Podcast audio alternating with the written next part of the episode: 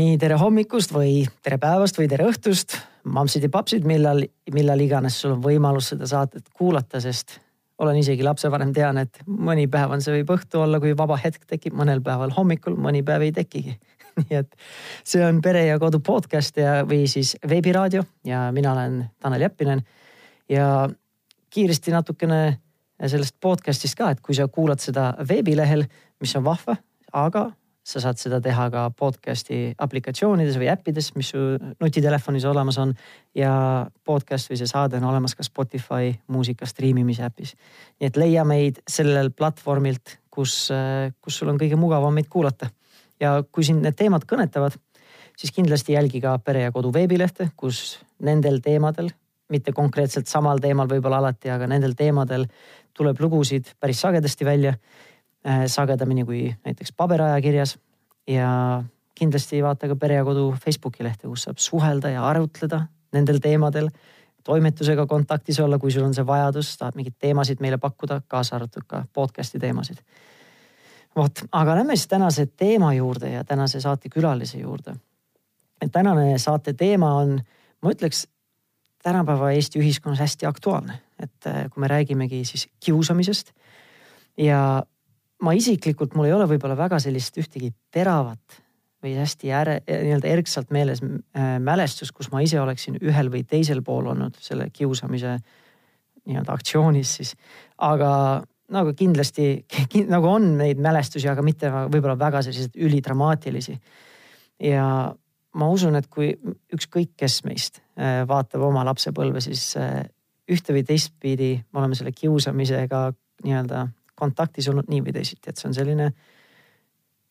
ma ei tea, ma ei saa öelda, et kas nagu normaalne lapsepõlve osa, aga võib-olla isegi mingil määral paratamatu lapsepõlve osa, vähemalt minu vaatevinklist. ja sellepärast või sellel teemal on meil siis saatesse kutsutud külaline Kristi Feldman. tervist. tere. tore, et sa aega leidsid meie juurde tulla. ja Kristi on siis Kiili gümnaasiumi kooli psühholoog ja lisaks ka siis tugikeskuse juht ja Eesti Koolipsühholoogide Ühingu juhatuse liige. ja üks nagu põhjus, miks me Kristit eh, tahtsime siia saatesse saada, on see, et eh, kuna ta töötab koolipsühholoogina, siis ta tegeleb koolis nii laste, lastevanemate kui ka õpetajatega ja näeb selle kiusamise juures just nagu erinevate rollide nagu osapoolt või nende kogemust. ja, ja see on andnud talle ka võimaluse siis vaadelda lapse arengut nii-öelda mitmete aastate jooksul ja näha siis selle sekkumise tulemusi ja üldse nagu pikaajalisi tulemusi, mis siis puudutab seda kaasa arvatud ka kiusamist. ja Kristjan on ise kahe lapse ema, kümne ja seitsmeaastase lapse ema. sain enamasti õige, sain enam-vähem õigesti või tahad midagi lisada? ei, see kõik on täpselt see info, mis võiks olla aga räägime sellest kiusamisest, me natukene eetriväliselt korraks nagu mainisime ka, et kuidas seda siis nagu nimetada, kas siis niisama kiusamiseks või tänapäeval räägitakse hästi palju just koolikiusamisest äh, ja me ise nagu mõlemad nagu nõustusime, et võib-olla see koolikiusamine ei ole nagu võib-olla kõige õigem tärmin või termin, et, et seda esineb isegi ma ütleks täiskasvanutel töökeskkonnas, esineb lasteaias või eelkooliealistel. Koduhoovi peal võib seda esineda, internetis tänapäeval see on, esineb nagu igal pool, et see ei ole nagu mingi ühe institutsiooniga ainult seotud nähtus. see on võib-olla selle poole pealt selle ühe institutsiooniga seotud, miks seda kooliga seotakse, on, on see, et äh, lastel on põhikoolis koolis käimise kohustus nad pannakse ruumi, ühte klassiruumi kokku, et seal on võib-olla ka selliseid tahke, et, et nad justkui, justkui peavad seal ruumis koos olema ja koos toimetama. ja õppimise situatsioon saab toimuda ainult turvalises keskkonnas. ehk siis seal on tõenäoliselt see seos selle, miks, miks see kooli, miks me räägime koolist hästi palju -hmm. aga kergelt jätab see negatiivse maigu justkui kooli suhtes, et ahaa, et, et kool on see koht, kus kiusatakse ja kui laps läheb sealt koolist välja, et siis justkui see kaob ära et kool ise ei kiusa tegelikult mm. -hmm. kuidas siis nagu võtta, et kui või kuidas sina üldse suhtud sellesse minu sellesse sissejuhatusse, et kas ta on, on ta siis selline nagu paratamatu lapsepõlve osa või üldse inimese, inimeseks olemise osa, see kiusamine või, või, või, või see on tegelikult natukene vale, vale hinnang? ta ei peaks olema paratamatu. küll praeguses ühiskonnas, kus sellele pööratakse nii palju tähelepanu ja kui on teada, kui halvasti see tegelikult äh, lastele mõjub ja kui halvasti see nende tulevikule mõjub ja nende hakkamasaamisele täiskasvanuna. siis äh, kui me kõik seda teame ja ühise eesmärgi nimel seda püüame kaotada, siis see peaks olema paratamatu. aga tõesti, mulle ka tundub, et see on, et seda on igal ajal olnud ja on ka praegu mm. -hmm. me natukene rääkisime siin Kristiga eetrivälisel ajal ka enne, kui me salvestama hakkasime, et, et kuidas nagu vahet teha, et selline, mis ongi selline kiusamine, ma ei tea, kas, kas siis meelega pahatahtlik või siis tahtmatult äh, võib-olla väga teise inimese sisse ei näe, aga aga siis sellised võib-olla loomulikud lapsepõlve konfliktid, mis nii või teisiti inimeste vahel tulevad, samamoodi nagu minul ja naise vahel vahepeal tekivad konfliktid, eriarvamused, lahkarvamused, mis iganes, mida me siis püüame mõistusepäraselt lahendada. et siis samamoodi me elame ridaelamu boksis, kus on neli boksi, neli peret ja meil on seal vist kaheksa või üheksa last kinnises hoovis ja ikka nagu suvel, eriti kui hästi palju aega veedavad lapsed koos, siis neid konflikte tuleb nii või teisiti ette. et kuidas siis seda vahet teha sellisest nagu normaalsest konfliktist, mis nii või teisiti inimeste vahel kipub esile tulema, onju. Äh, ja siis selline kiuslik käitumine või selline kiusamine. kuidas sellel vahet teha? no kiusamine on ikka konkreetselt sellise pahatahtliku suunitlusega, ehk siis keegi tahab teisele halba teha ja selle tõttu käitub nii. Mis vahe selle konfliktiga on see, et konfliktis on, osalevad võrdsed osapooled. Äh, kiusamissituatsioonis on Äh, üks osapool tegelikult teisest mingil määral siis äh, kaitsetumas olukorras mm. -hmm. ehk siis noh, koolis võib seal olla, kas on näiteks äh, uus õpilane, kellel veel sõpru ei ole, võib-olla majanduslikult kehvas seisus, võib-olla madalate sotsiaalsete oskustega, võib-olla ta ei oska ennast kaitsta.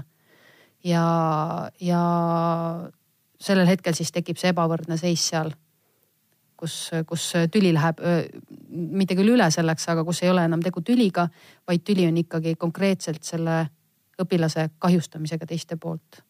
ja tema ei saa ise selles olukorras midagi ette võtta mm. -hmm.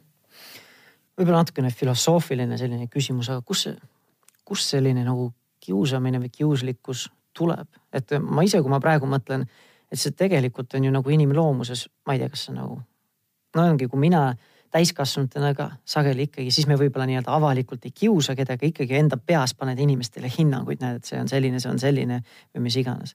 mitte, et see oleks nagu ka võib-olla väga tervislik või õige käitumine. ma teadlikult püüan vähe, võimalikult vähe selliseid hinnanguid anda inimestele. aga me kipume seda tegema isegi täiskasvanud, et kui keegi on meist erinev, siis võtan kohe mingi seisukoha. et laps võib-olla siis või noor siis ei võta lihtsalt seisukohta, aga käitub ka mingi ajendi ajel. et kus või kust selline siis tuleb, on ta siis nagu ma ei tea, selle impulsi kontrolli puudusest eh, või, või millestki muust? see, kust kiusamine tuleb? ja et see mm -hmm. ja mis see nagu juured võiksid olla sellel siis? no seal on ikkagi mingid enda täitmata vajadused taga, ilmselgelt, et miks ma tahan teist nii palju madaldada. et mis, mis selle põhjus on, kas ma ise saan seda positiivset mm -hmm. oma igapäevaelus, kas ma saan seda ärakuulamist, mõistmist perest. kas seda sallivust on õpetatud? tegelikult on palju kuulda ka seda, kuidas äh, kodudes vanemad räägivad teistest lastest taga, kuidas räägivad õpetajatest taga, teistest lastevanematest. et äh, kui see maast madalast kasvatataksegi justkui normaalsuse pähe lapse mm -hmm. sisse, siis, äh, siis ongi see sisse kasvatatud sünnipäraselt, keegi kiusajaks küll nüüd ei mm.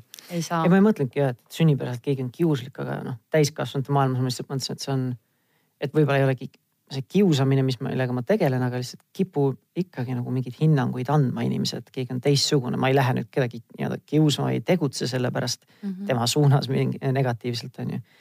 aga, aga kui ma praegu sind kuulasin, siis tundub küll, et tegelikult nii-öelda mõlemad osapooled on mingil määral nagu ohvrid, et kellelgi on mingi kroonilised võib-olla mingid vajadused lihtsalt täitmata ja ta proovib nendele kas siis tähelepanu saada, ta proovib enda mingeid vajadusi täita mingi aktsiooniga, mis mõjutab teist samamoodi negatiivselt mm. -hmm. aga mingil määral nagu vaadata, et tegelikult see kiusaja võib ka nagu ohver ise olla. mingi võib olukorra, mingi keskkonna. et ta võib olla ohver, jah, tõepoolest, et äh, ka kiusamisjuhtumite lahendamise juures on oluline loomulikult mitte seda kiusamist kuidagi toetada, aga mm. püüda mm. alati mõista seda, et mis on selle, selle lapse või noore inimese sinnani viinud, et ta selliselt käitub et noh, ühe poolena on see, et äh, kui me lendame lihtsalt peale ja ütleme, et äh, sina ära kiusa, et, äh, et see on halb, noh, see on või nagu. või sa oled halb laps nüüd. sa oled halb laps jah, et, et sina oledki see kiusaja ja sina oledki halb laps, siis esimene asi on see, et me selle lapsega kontakti ei saa. see on kindel. ja teine pool on ka see, et, et püüda leidagi, et mis see tema nii-öelda iseenda sees olev positiivne motiiv on, mida ta üritab sellega täita. Ja püüda selle, selle positiivse motiivi täitmiseks leida teised vahendid ja teised viisid. et see vajadus on sama täpselt, aga me leiame lihtsalt teise taktika, kuidas seda vajadust täita. kuidas seda vajadust täita, jah. mitte see, et, et nüüd see vajadus on nagu halb või proovime teise vajaduse leida, et see vajadus ja. on nii või teisiti, selle, see on nagu see et ei ole nagu selline binaarne süsteem, et on head vajadused ja halvad vajadused, vajadus on vajadus. et lihtsalt ma proovin leida teise viisi, kuidas seda täita mm. -hmm.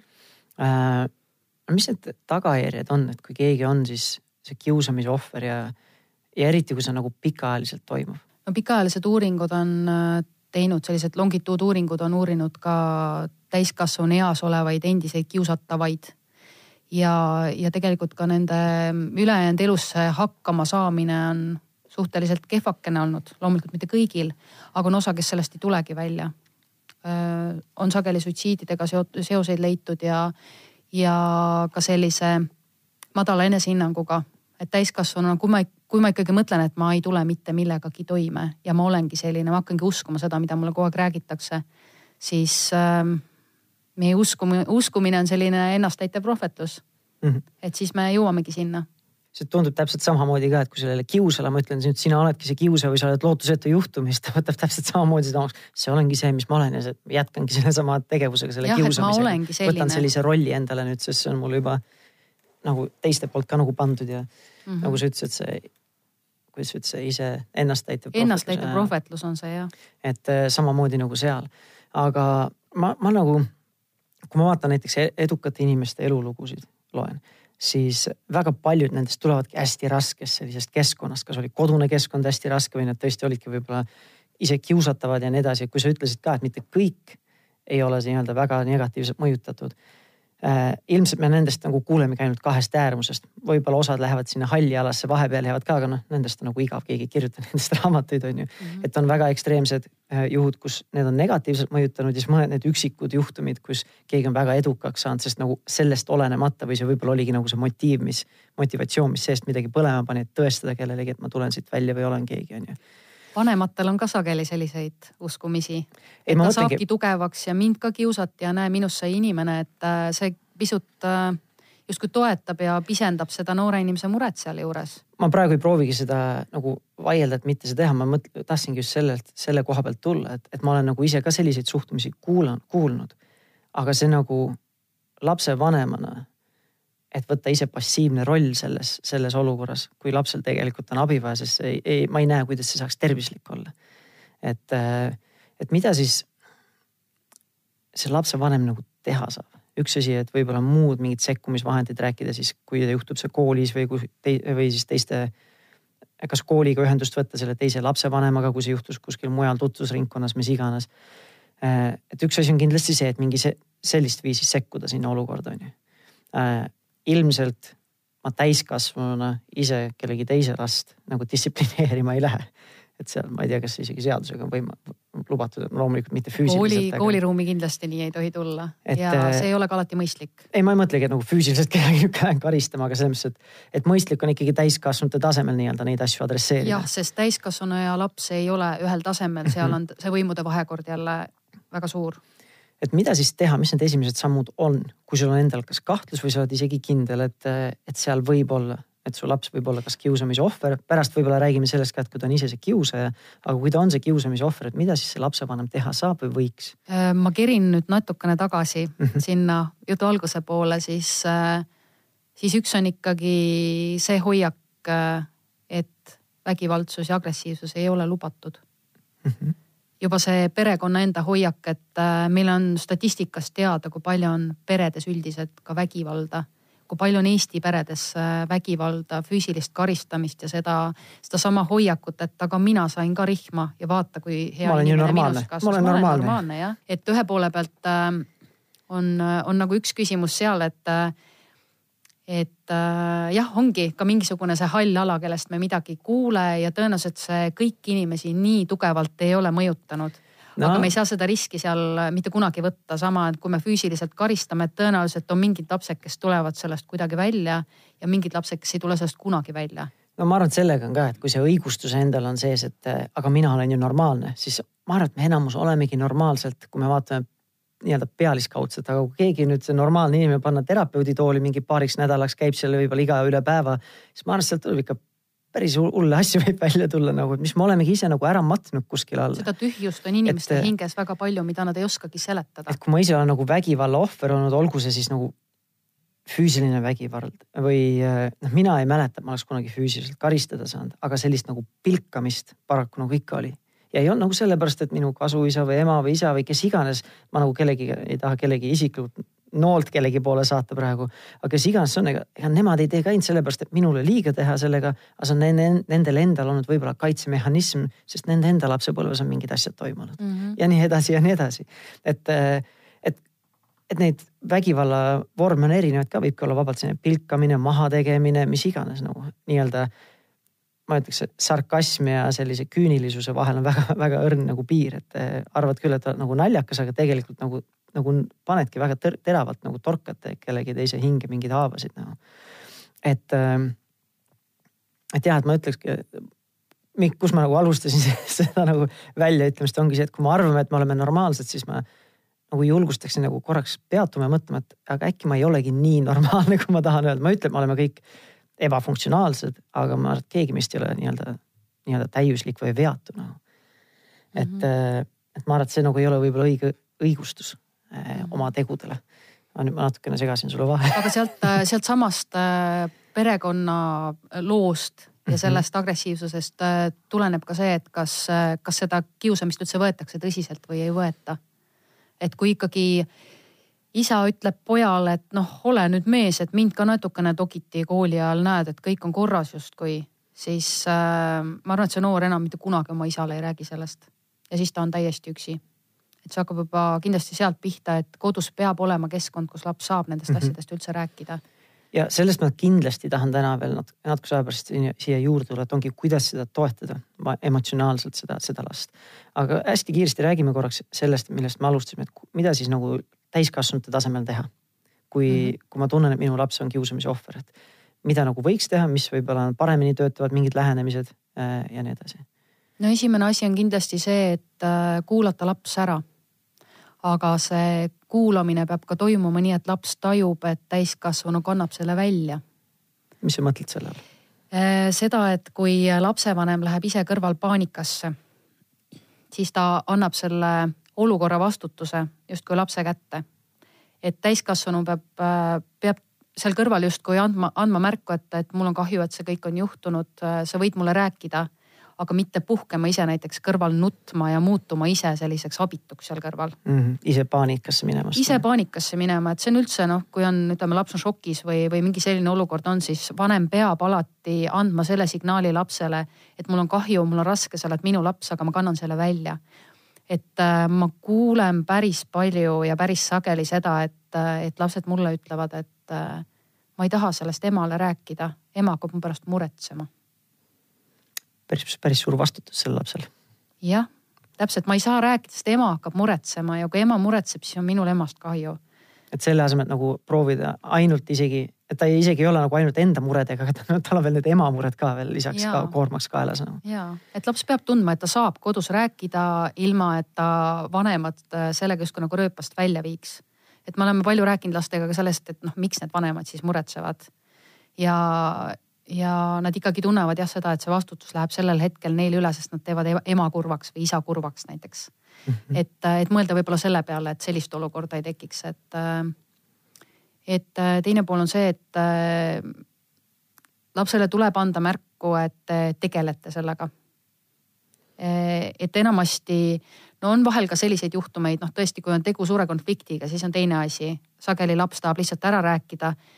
vanem tahab mingil põhjusel minna kohe konflikti lahendama, millega ta tekitab lapses selle tunde, et tema ei saa konflikti lahendamisega hakkama.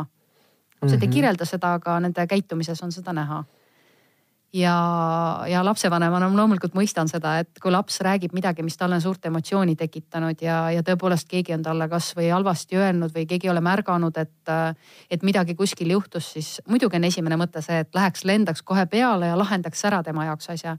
tegelikult nad enamasti seda ei taha, kui tegu on konfliktiga mm. -hmm. isana ma kindlasti suudan sellega samastuda, kui keegi minu väiksele lapsele veel näiteks tütrele veel vähemalt temale liiga teeb, see ongi, tahaks nagu tahaks kohe selle õigluse jalule seada mm. -hmm. aga ongi, et ise võib-olla ei mõtle, et, et kas ma tegelikult sellega kokkuvõttes nagu teen head või siis pigem nii-öelda ongi, julgustangi lapsel sellist nagu passiivsust, et ega tema nagu ise nagu ei saagi nende asjadega hakkama, et alati ongi minu abi vaja või mm, -hmm. või sealt tekibki see selline noh, kergelt õpitud abitus. loomulikult mm, -hmm. kui on tegu kiusamisjuhtumiga, siis, siis ei saa laps üksi neid asju lahendada, et äh, seal on need, need jõud on ebavõrdsed.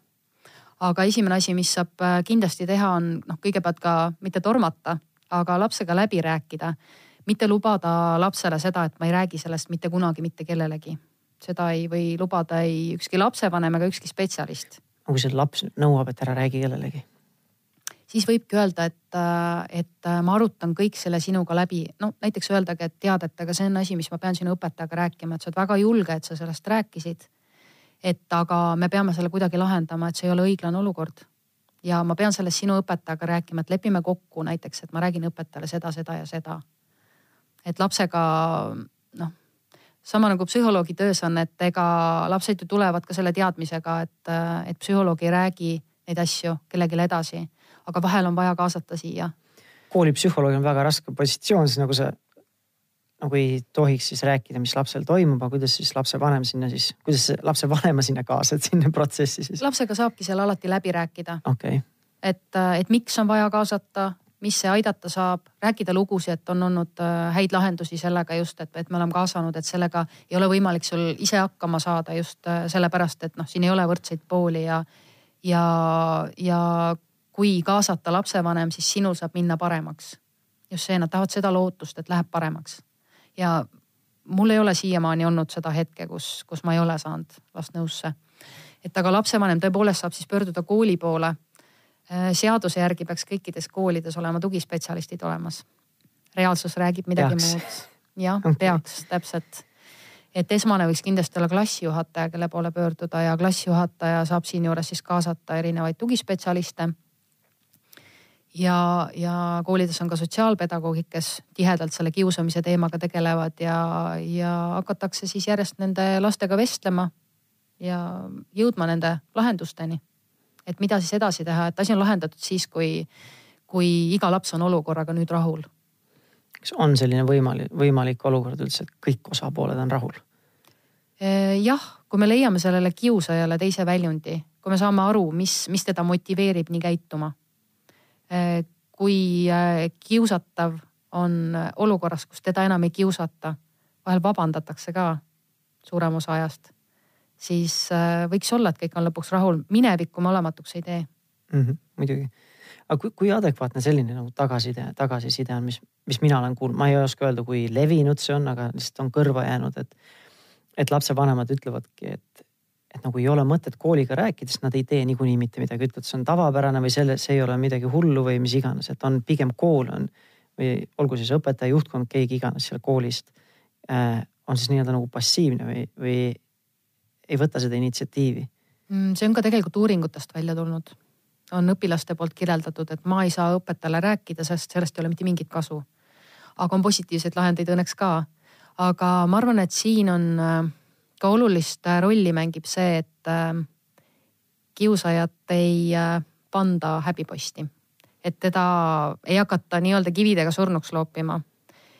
ja on tegelikult päris mitmel korral tulnud ette, kus lapsevanemad seda ootavad.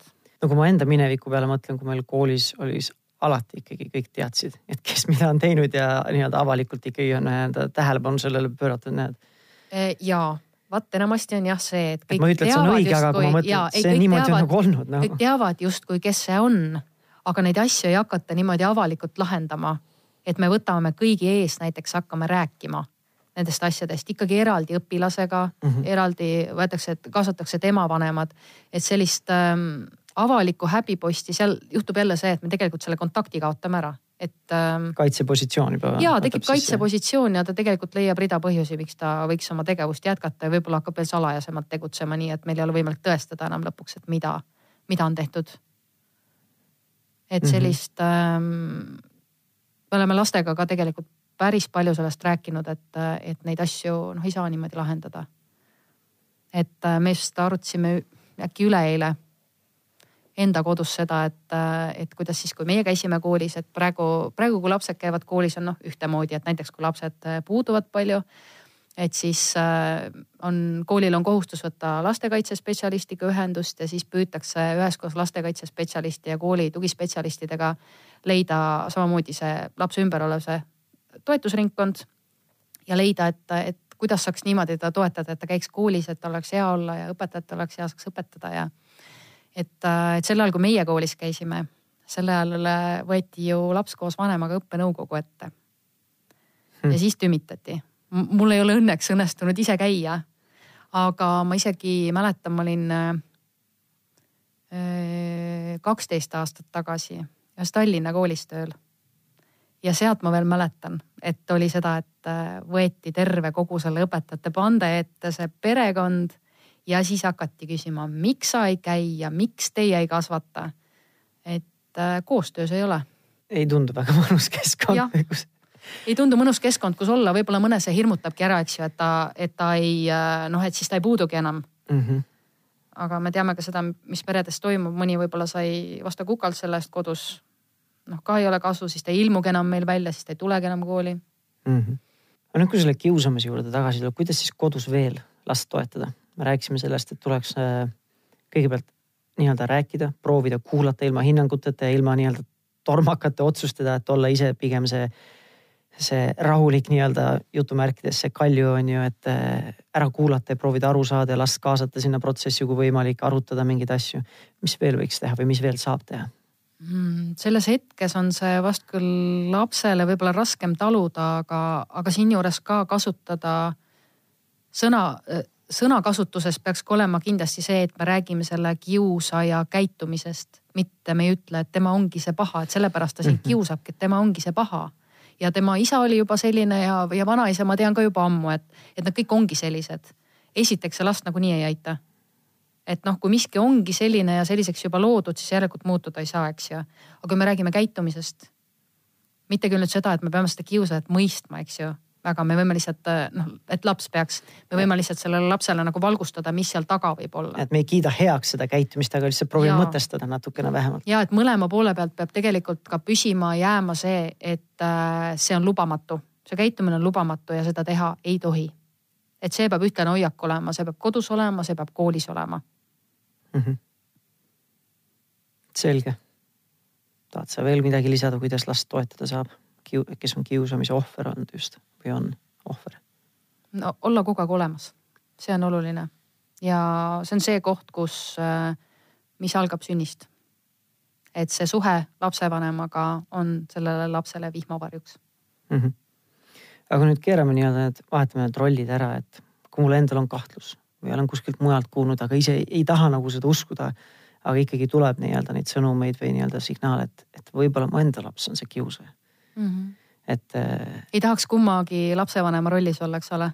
ei no muidugi ei tahaks nagu, aga.... tahaks, et kõik oleks hästi kogu aeg, äh, aga, aga tõepoolest ka see sõnum võib. kui see olukord on juba käes, et ongi, me muidugi me saame rääkida kõiki neid asju, mis, mis ma saan üleüldiselt pereõhkkonnas ja keskkonnas teha, et, et seda võib-olla tõenäosust vähendada, et see laps ei ole selline, on ju. aga kui see olukord mhm. juba on ja võib-olla olemegi ise ka selle igapäevaelus natukene ära kaotanud ja selle kontakti lapsega ära kaotanud ja laps on lõpuks seal, et ta et ta teeb ise neid asju, et ta on ise kiusab teisi. Mhm. võib-olla süstemaatiliselt, võib-olla lühiajaliselt, võib-olla korraks, mis iganes. et kuidas siis, siis käituda, kuidas siis last toetada ja siis proovida, et kuidas siis nagu aru saada ilma süüdistamiseta, et mis tema need vajadused on, kuidas ma aidata saan seda olukorda. nagu ma ütlesin, siis siin on samamoodi, et noh, taustal peab kogu aeg olema see hoiak, et see on lubamatu käitumine kirjeldada seda, et see on käitumine, mitte see ei ole laps, kes on paha see unustatakse vahel ära. et ei pane lapsele nagu sellist silti ja rolli. et ei pane silti talle, et ta hakkab ise ka seda uskuma, et ma olengi paha ja, siis äh, sellist dissonantsi ei tekiks, siis ta ju hakkabki nii käituma. ja, ja püüda sealjuures ikkagi mõista seda, et mis teda paneb nii käituma. ja tegelikult lastele, kui me ka koolis nendega vestleme äh,, väga, väga hästi mõjub see, kui nendele kirjeldada, mida see teine inimene tunda võib. püüda teda, nagu jah, see on see empaatia kasvatamine tõesti, et äh, et mõtle, kui sa ise oleksid sellises rollis.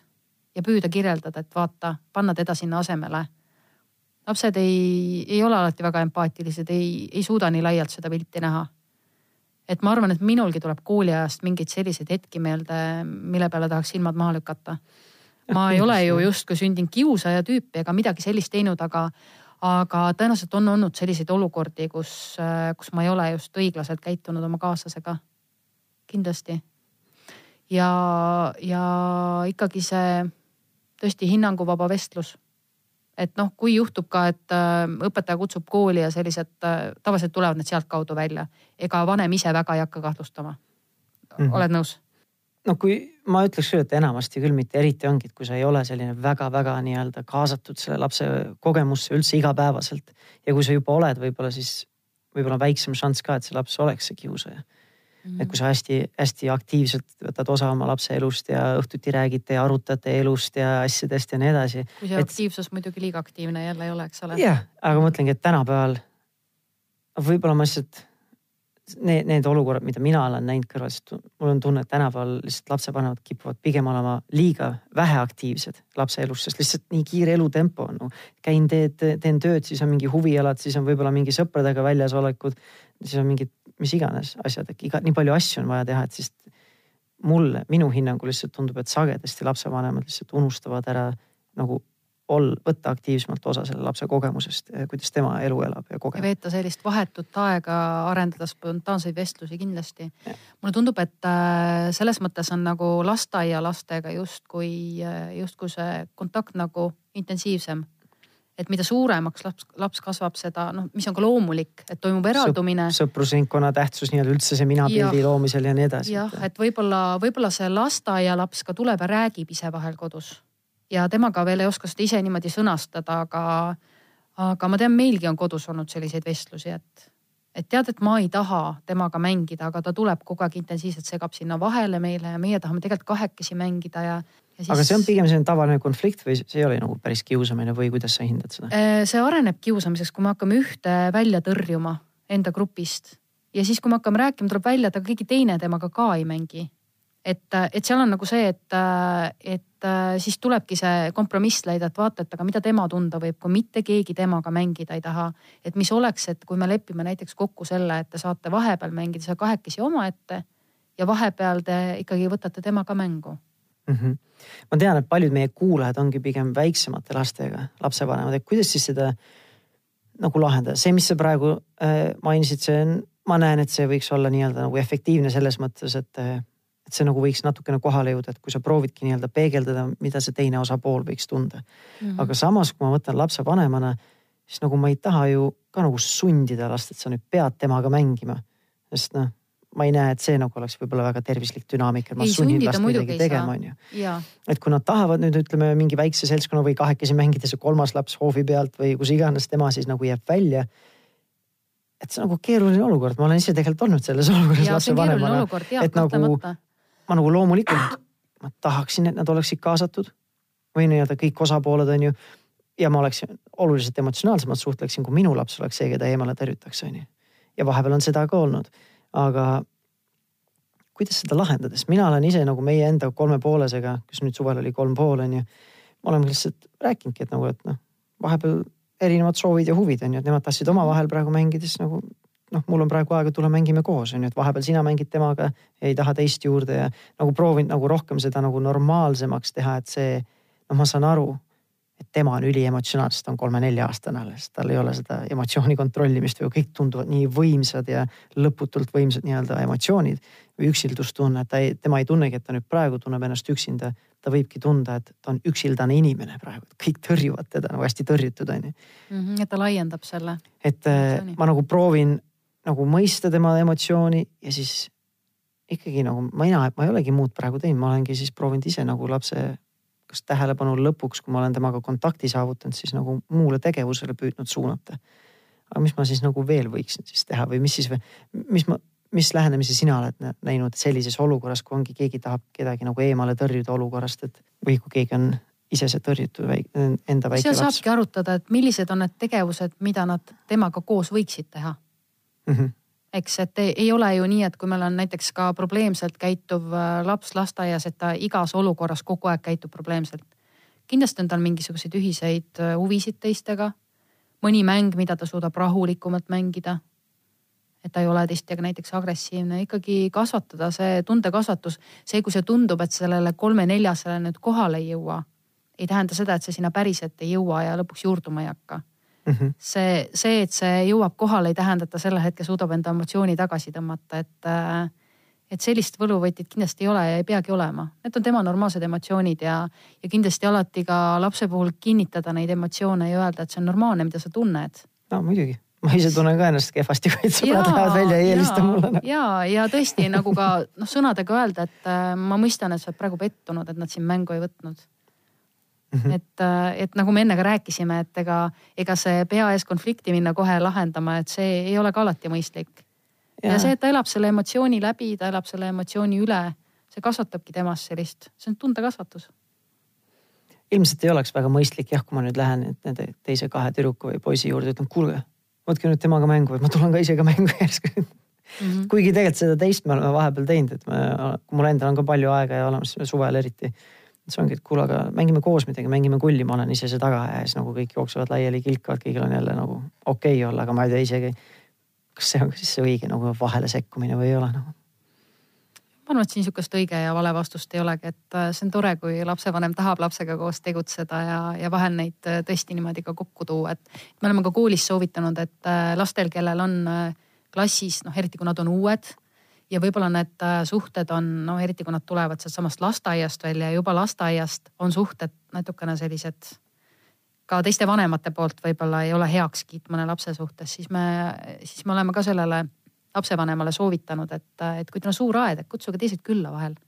tehke mingisugune üritus, et, et see võiks ka siduda lapsi omavahel.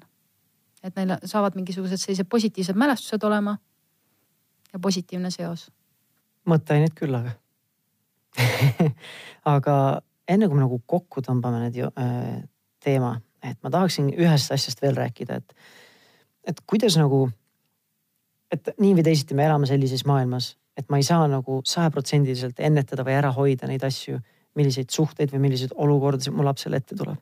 et ta ongi kuskil mänguväljakul, on ta koduhoovis, on ta lasteaias, huvialaringis, kus iganes. aga tahaks hirmsasti on ju? Võib-olla ideaalis nagu tahaks, aga samas kui mõtlema hakata, siis aga kas see on päris see, mis ma tahan, sest ma päris vati sees ka nagu üles ei taha ei, kasvatada. vati sees ei taha, aga me ju lapsevanematena tahaksime, et meie lastel oleks kogu aeg hästi ja nad tunneksid ainult häid emotsioone. aga siis ongi natukene sellised konfliktsed soovid, et, et ma tahan, aga tegelikult ma jälle kriitiliselt mõtlen, et kas ma päris tahan seda, ma tegelikult tahaksin, noh, tegelikult ma tahaksin, et oskaks väljakutsetega suhestuda, et ta suudaks väljakutsetest üle olla, suudaks mugavustsoonist välja minna, tegelikult ma tahan seda ju ka. aga samas ma nagu saan aru, et selle jaoks ma peangi ta panema nagu ebamugavatesse olukordadesse. loomulikult see kiusamise olukord ei ole selline, mida ma teadlikult, kuhu ma tahan oma last panna mm. -hmm. aga nüüd aga kui... ta võib seal kiusamise situatsioonis osaleda väga erinevates rollides et see on mm -hmm. võib-olla ka praegu rääkimata jäänud, et. Äh, kui sa oled kõrv et, kolmas isik. Nagu ja, et ta võib hoopis kolmas isik seal kõrval olla, kes kas äh, paneb silmad kinni ja jalutab äh, ära sealt ja tegelikult teab, mis toimub. no aga räägime korraks sellest siis enne, kui minu selle teema juurde tuleme, et mis siis.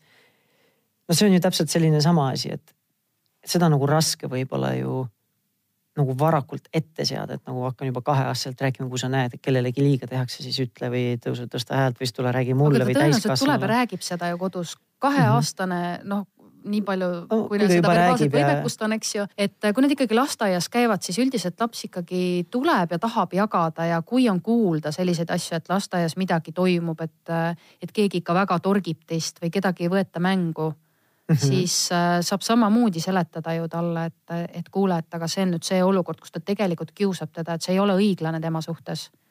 et, äh, et noh, kirjeldada neid tundeid, mida üks võib tunda, teine võib tunda äh, kui on kuulda, noh, ütleme lasteaias enamasti ei ole see, et lasteaiaõpetajad ei näe, mis toimub, eks ju. enamasti ei ole.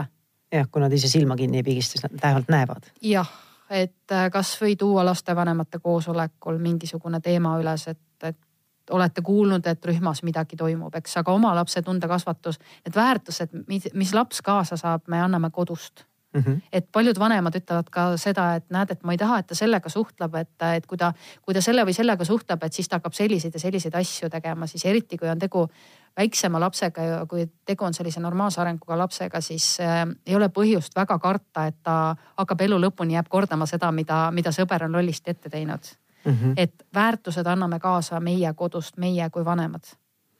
ja, ja sellepärast on ka see, et aeg-ajalt, kui me, kui me mingisuguseid tegevusi teeme ja püüame oma väärtusi õpetada ja kui kodu seal nagu kaasa ei tule sellega selle nii-öelda ka hea poolega ja need väärtused on ikka oluliselt teistsugused, siis on samamoodi hästi keeruline aidata kui ma õigesti aru sain, et ongi, et kui see laps on see kolmas osapool ja kui ta tuleb sellest rääkima, esiteks ongi hoida see nii-öelda uks piltlikult lahti, et ma võtan ja kuulan. ja, ja, ja siis teiseks siis ongi, et aidata tal nagu, tal endal aru saada, et mis on siis aktsepteeritavad ja lubatud käitumised ja mis ei ole. See aitaks ka tuleviku suhtes äh, teda nii-öelda hoida sellest nii ühest kui teisest äh, põhirollist, siis sealt võib-olla. see on natukene nii-öelda aitad seda moraalset kompassi nii-öelda luua. ja, ja, et ta märkab ja teab, sest äh, noh, uurimused on näidanud ju ka seda, et kõige rohkem kiusamist on küsitluste alusel just ka algklassides. siis kui minna täna rääkima algklassides lastega, noh, mida me hästi sageli teeme, igasugu kiusamisteemadest ja kui neil ei ole seda mm, nii-öelda definitsiooni seal taga, mis see on, siis nemad tajuvad seda, et ikkagi sõber läks mööda ja, ja põrkas mulle pihta, et ta kiusab mind mm. -hmm. et seal on. iga väiksem konflikt nii-öelda läheb kohe selle termini alla kiusamine. jah, et nad alati ei saa aru, et, et mis see täpselt on, aga seda, et probleem on olemas, siin ei ole, ei ole kahtlustki, et see, see on ja kui me sellega algklassides ei tegele või kui juba lasteaias selle asjaga ei tegeleta, siis ilmselgelt see läheb järjest rohkem ähm, raskemini hallatavaks jah, noh nagu see ütlus on, et väiksed lapsed, väiksed probleemid, suured lapsed, suured probleemid. ja et, mida rohkem äh, lapsed kasvavad, tõesti seda on näha, et äh, nii no, on. noh teismelistel ongi see, et see, see tugigrupi selline eemale tõukamine, kui tugigrupp või sinu sõpruskond sind eemale tõugab, seda tõenäoliselt võetakse palju tõsisemalt kui, kui väikelapsena, sest väikelapsel ja. see ema ja isa on see põhi nii-öelda see kese, kus seda lähedust ja võib-olla seda minapilti, mis aitab luua nagu, et äh, teismelistel on see sõpruskond ja kui see sind nii-öelda välja lükkab, et siis see võib päris valus olla nagu. no ja, ja kui nad enda kuuluvusvajadust just on see, mida nad täidavad sealjuures, eks sageli see nii on. Läks natukene selliseks väga tõsiseks see jutuajamine, et aga enne kui ma Kristi sind ära lasen, ma tahan ühest teemast veel rääkida. ja, ja see ongi just see, et nagu ma ütlesin, et me ei saa nagu vältida kõiki neid olukordasid, millises suhetes, millises olukorras meie lapsed on, et neid asju, neid kiusamissituatsioone või vähemalt konfliktseid situatsioone tuleb kindlasti ette meie lapsel. ja me ei peakski neid võib-olla siis nii-öelda proovima ennetada või ära hoida kõiki. aga mis ma tahan nagu küsida, et mis sinu nagu mõtted on, et kuidas ma saan siis oma kasvatusega ja oma selle lapse toetamisega, et mida ma saan taktikaliselt isegi teha. et aidata oma lapsel siis sellist ma ei oskagi paremat terminit öelda, nagu sellist nagu natuke sellist nagu kuulikindlust juurde saada selliste nagu tugevatele intensiivsetele emotsionaalsetele sellist situatsioonidele, olgu see selleks tugevad konfliktid või siis see kiusamine ja nii edasi, et tal oleks selline nagu emotsionaalne küpsus olemas, et ta saab aru, et et see ei defineeri mind, et see keegi teine käitus minuga halvasti, ei tähenda, et mina olen nüüd halb inimene või siis nõrk või, või mis iganes, see lihtsalt oli mingi situatsioon et natukene sa oled rääkinud sellest tundekasvatusest, me oleme rääkinud hästi natukene põgusalt sellest eh, empaatia nii-öelda võimekuse arendamisest või empaatia arendamisest. et eh, ma ise arvan või nagu eeldan, et need on nagu mingid komponendid, mida me saame teha sellega, onju. aga mida me veel saame lapsevanematena teha, et siis nii-öelda parema nii-öelda termini puudumisel nii-öelda laps, lapsi paremini nii-öelda selliseks kuulikindlamaks teha jutumärkides. ma arvan, et lapsevanemate käes see võti ongi, kus mujal mm. -hmm et lapsevanemad on, on lapse esimesed väärtuskasvatajad siin elus ja, ja esimesed enesehinnangu kujundajad tegelikult. et äh,. eks see paljuski tegelikult olenebki enesehinnangust, et kas ma ise olen ja, kindel selles, kuidas ma ennast näen või siis iga väike kommentaar paneb sinna väga suure sellise lömmi sinna enesehinnangusse sisse ja ma hakkangi võib-olla kahtlema, et kas, kas ma olen mhm. selline või ei ole. et kuidas seda siis kasvatada, seda enesehinnangut või siis kinnitada või seda tervislikku enesehinnangut mm. -hmm. no ikkagi lapse aktsepteerimine sellisena, nagu ta on, oma heade külgedega ja, ja samamoodi nende külgedega, mis meid võib-olla häirivad. ja, ja mitu korda on see läbi käinud, et kui laps käitub halvasti, siis laps ei ole halb laps. Ehm, palju meie enesehinnangus on, on äh, kujunenud ajast, mil me tegelikult, mida me tegelikult ei mäleta. ehk siis enne kolmandat eluaastat. Ja, ja ongi see, kelle, kelle poole laps vaatab äh, alt üles, on ju tema enda vanem. kui mhm. tema enda vanem temasse ei usu ja, ja kui ta ei väärtusta teda sellisena, nagu on, nagu tema on, siis see enesehinnang saabki päris madal olema. ja, ja enesehinnang tõepoolest ei ole küll, ei ole küll selline vihmavari, mis meid elus ette tulevate probleemidest kaitseb, aga, aga samas kindlasti annab ta sellist kuulikindlust juurde sinna. ja Äh, laps, kellel on muudes valdkondades halvasti, kui tal on tugev peretaust ja perekond on teda toetamas äh, nii-öelda nii heas kui halvas, mis iganes ka ei juhtu. ta teab, et ta vanemad alati armastavad teda. mis ei tähenda, et nad toetavad seda tegevust, eks ju. siis äh, need lapsed tulevad kindlasti paremini toime. et kui, kui lapsel on kodus halvasti ja kui tal kodutoetust ei ole, siis on vahel ka teistel spetsialistidel päris raske midagi ära teha sellepärast on alati vaja vanemat kaasata nendesse juhtumitesse. ja, ja sageli ka vanemad vajavad ise toetust sealjuures ja võib-olla vanemlusprogrammid, mis on Eestisse viimastel aastatel sisse sööbinud, et äh, sööbinud, söönud, et äh, need oleks kindlasti suureks abiks. eks lühidalt nii-öelda nagu laulatus öeldes olla mitte siis nüüd abikaasaga lapse kõrval nii heas kui halvas ja et see teadmine, et, et ma olen alati oodatud, noh eriti teismeliste puhul. teismeeas on hilja hakata suhet ehitama. siis on eriti raske sekkuda, sest kui seda suhet enne ei ole olnud, siis ähm, seda sellel hetkel hakata ehitama on, on keeruline, mitte võimatu.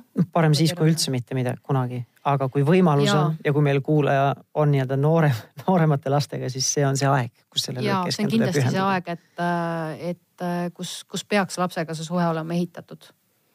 et, ähm, et mitte jääda hiljaks, et siis läheb, äh, kole öelda, aga siis läheb teismeeas veelgi raskemaks et kui siis enam kontakti ei saa ja, ja see kontakt kipub, kipub ka sel ajal siis olema selline, et, ta saabki ainult vastu päid ja jalgu. siis juhtub see, et ta ei tule koju enam.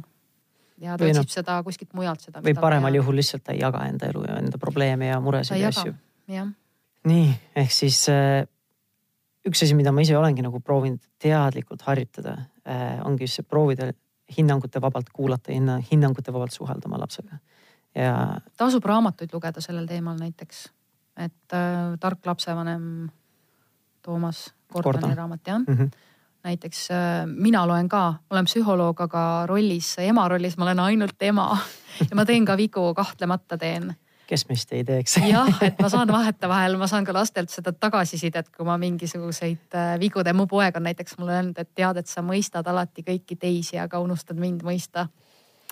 Et äh, vot ongi see, et ma kogu aeg seletan, et tema võis nii tunda ja tema võis naa tunda ja kui õpetaja midagi teeb, et siis äh, siis noh, õpetaja võis sellele ja sellele ja sellele reageerida, on ju. ja tegelikult ta tahab võib-olla lihtsalt seda, et enda tunnetest mulle rääkida ja ma peaksin need lihtsalt välja kandma, et alati tasub kuulata, mida laps ütleb, et mitte võtta seda, et ahaa, sa ütled, et ma olen halb lapsevanem, vaid kuulata, mida ta sulle öelda tahab.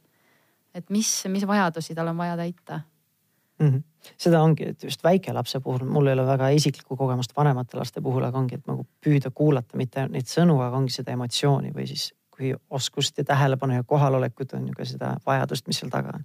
et neid sõnu on oluliselt lihtsam kuulata, aga seal on veel mitu taset sügavamale kuhu ja, saab mis minna. ta, mis ta öelda tahab, ta tuleb, eks ju, ühe, ühe sellise emotsiooniga, et äh, mina väga soovitan selliseid raamatuid lugeda, minul on endale palju abiks olnud. Et kuidas lastega nii rääkida, et nad tegelikult ka meiega räägiksid, et nad usaldaksid. et äh, mina sain enda lapsed äh, teadmisega, et lapsed kasvavad iseenesest ja mina ei ole kümme aastat aru saanud, kuidas mina pean neid nii intensiivselt kasvatama kogu aeg et aga, aga tegelikult see ongi miskisugune ka see, mis meil ühiskonnast on justkui peale aetud, et, et äh, lapsed kasvavad ise. ei kasva, nad jah, kasvavad, aga vanem peab kogu aeg olemas olema mul on vahepeal olla... tunne, et ongi see lapsevanem peab iseennast kasvatama päris palju, isegi võib-olla mitte ja. nii palju lapsi kasvatama või last kasvatama, aga pigem nagu iseendaga tööd tegema mm. -hmm. et kui on vaja, siis ole tasa ja kuula ilma hinnanguteta ja, ja ja kui lähed ise seest põlema, et siis kontrolli, reguleeri iseenda emotsioone mm, -hmm. mitte ära lihtsalt lenda õhku ja ära hakka kärkima või käskima või rivistama või karistama, on ju. sest ma ise tunnengi, et väga paljudes nendes kohtades ongi see, et ma ise kasvatan ennast kõigepealt mm. -hmm. Ja, ja vaat, siis... vaadata, et kuidas, kuidas laps sind jäljendab, et kui palju on kodudes seda, seda teemat, et ah, ta on kogu aeg telefonis, ta on kogu aeg arvutis ja siis see lapsevanem on vastuvõtul ja tema telefon järjepidevalt piniseb kotis mm. -hmm. et äh, me nõuame lastelt äh, midagi, mida me ise ei täida. ma arvan, et me oleme kõik selles hetkes olnud, kus. eks neid topeltstandardeid ikka on inimene, täiskasvanute ja laste puhul, et. jah, et, et tegeled lapsega kodus ja unustad ennast äh, hoopis midagi muud tegemas ja. oma telefonis, et see ei ole vahetu kontakt, see ei ole koos olemine see on samas ruumis olemine. see on samas ruumis olemine ja laps tajub väga kiiresti selle ära, et tegelikult sa siin ja praegu ei ole, sa oled kuskil mujal oma mõtetega. nii on äh,, väga sellised põnevad mõtted me täna siis alustasimegi, et ongi, et üldse, mis see kiusamine on äh,. kuidas sellesse suhtuda, kuidas ise käituda, kui siis see laps on, on see kannataja rollis, kui ta on kiusaja rollis, kuidas last toetada nendel hetkedel ja kuidas siis lapsel nii, lapses seda arendada, seda äh, tundekasvatus, kuidas tema seda enesekindlust või seda minapilti aidata ehitada ja nii edasi, nii-öelda seda kuulikindlust teha. et ma loodan, et sul kuulaja oli täna põnev kuulata, said äh, nii mõnegi sellise äh, praktilise näpunäite. ja ma tahan, Kristi, sind tänada. Väga vahva, et sa tulid, oli väga põnev äh, seda vestlust teha, ma loodan, et äh, kuulajatel oli sama põnev seda kuulata, kui meil siin lobiseda, vähemalt minu poolt. et aitäh, et sa tulid aitäh sulle ka.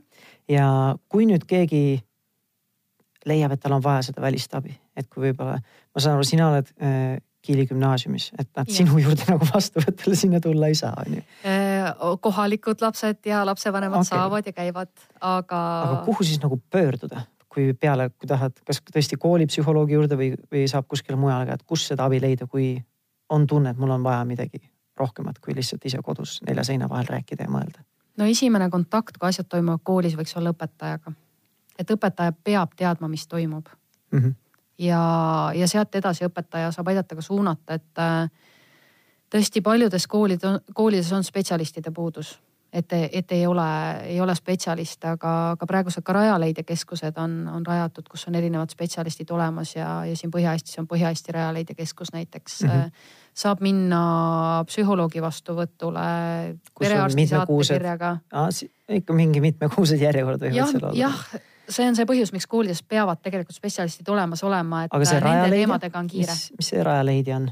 Äh, Rajaleidja keskus on, äh, on ka selline, kus lapsevanem saabki pöörduda, seal on õppenõustamise nagu kriisiabikeskus või mis ta ei ole äh, päris? kriisiabikeskus on eraldi okay., eraldi ja kriisiabikeskused on lasteabi telefonile võib-olla alati helistada, kohalik lastekaitse kohalik noorsoopolitsei. et kõik mm -hmm. need on instantsid, mis on loodud mitte ainult karistamiseks ja kindlasti mitte esmaselt, vaid ikkagi esmaselt lapse jaoks selleks, et ta tuleks paremini toime. Ehk siis, kui kellelgi, keegi tunneb, et tal on abi vaja, siis kõigepealt saaks kooli pöörduda. kõigepealt kooli pöörduda ja. kui vaja, siis otsida see Rajaleidja, kas see on Rajaleidja, ongi selline rajaleidja.ee. rajaleidja.ee kohalikud kriisiabikeskused ähm, lastekaitse. Äh, koolil on tegelikult kohustus äh, lapsele need teenused tagada, mis tähendab siis seda, et koolides, kus neid spetsialiste olemas ei ole, on tegelikult koolijuhi kohustus leida need äh, vahendid, et kuhu siis minna sel juhul. et kui koolis kohapeal ei ole, siis, siis mis saab edasi, et ma arvan, et õpetajad on ka koolis väga head spetsialistid tegelikult ja on saanud koolitust ja, ja mõistmist ja kogemust ja kõike. vahva, aga ma loodan, et siis täna sai kasu nii tavaline lapsevanem, et siis nii-öelda valmistada ennast olukordadeks ette, mis võivad tulla või võivad süveneda. ja, ja ka lapsevanem, kes võib-olla leiabki, et ta ongi parajas sellises väikeses keeristormis ja et ei oska midagi teha. vot, äh, aitäh, et äh, kuulasid tänast saadet ja nagu tavaliselt väike häbitu enesereklaam ka, et äh, kui üldse nendel vanemlusteemadel sulle meeldib arutleda ja kuulata, mis teised lapsevanemad räägivad, et olla nii-öelda selles kommuunis sees, siis äh, selleks on üks väga vahva Facebooki grupp, mida mina juhin, äh, positiivne ja rahumeelne vanemlus.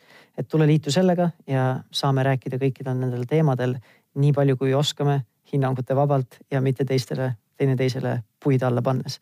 nii et tule liitu grupiga ja podcast'is kohtume juba järgmine nädal. kohtumiseni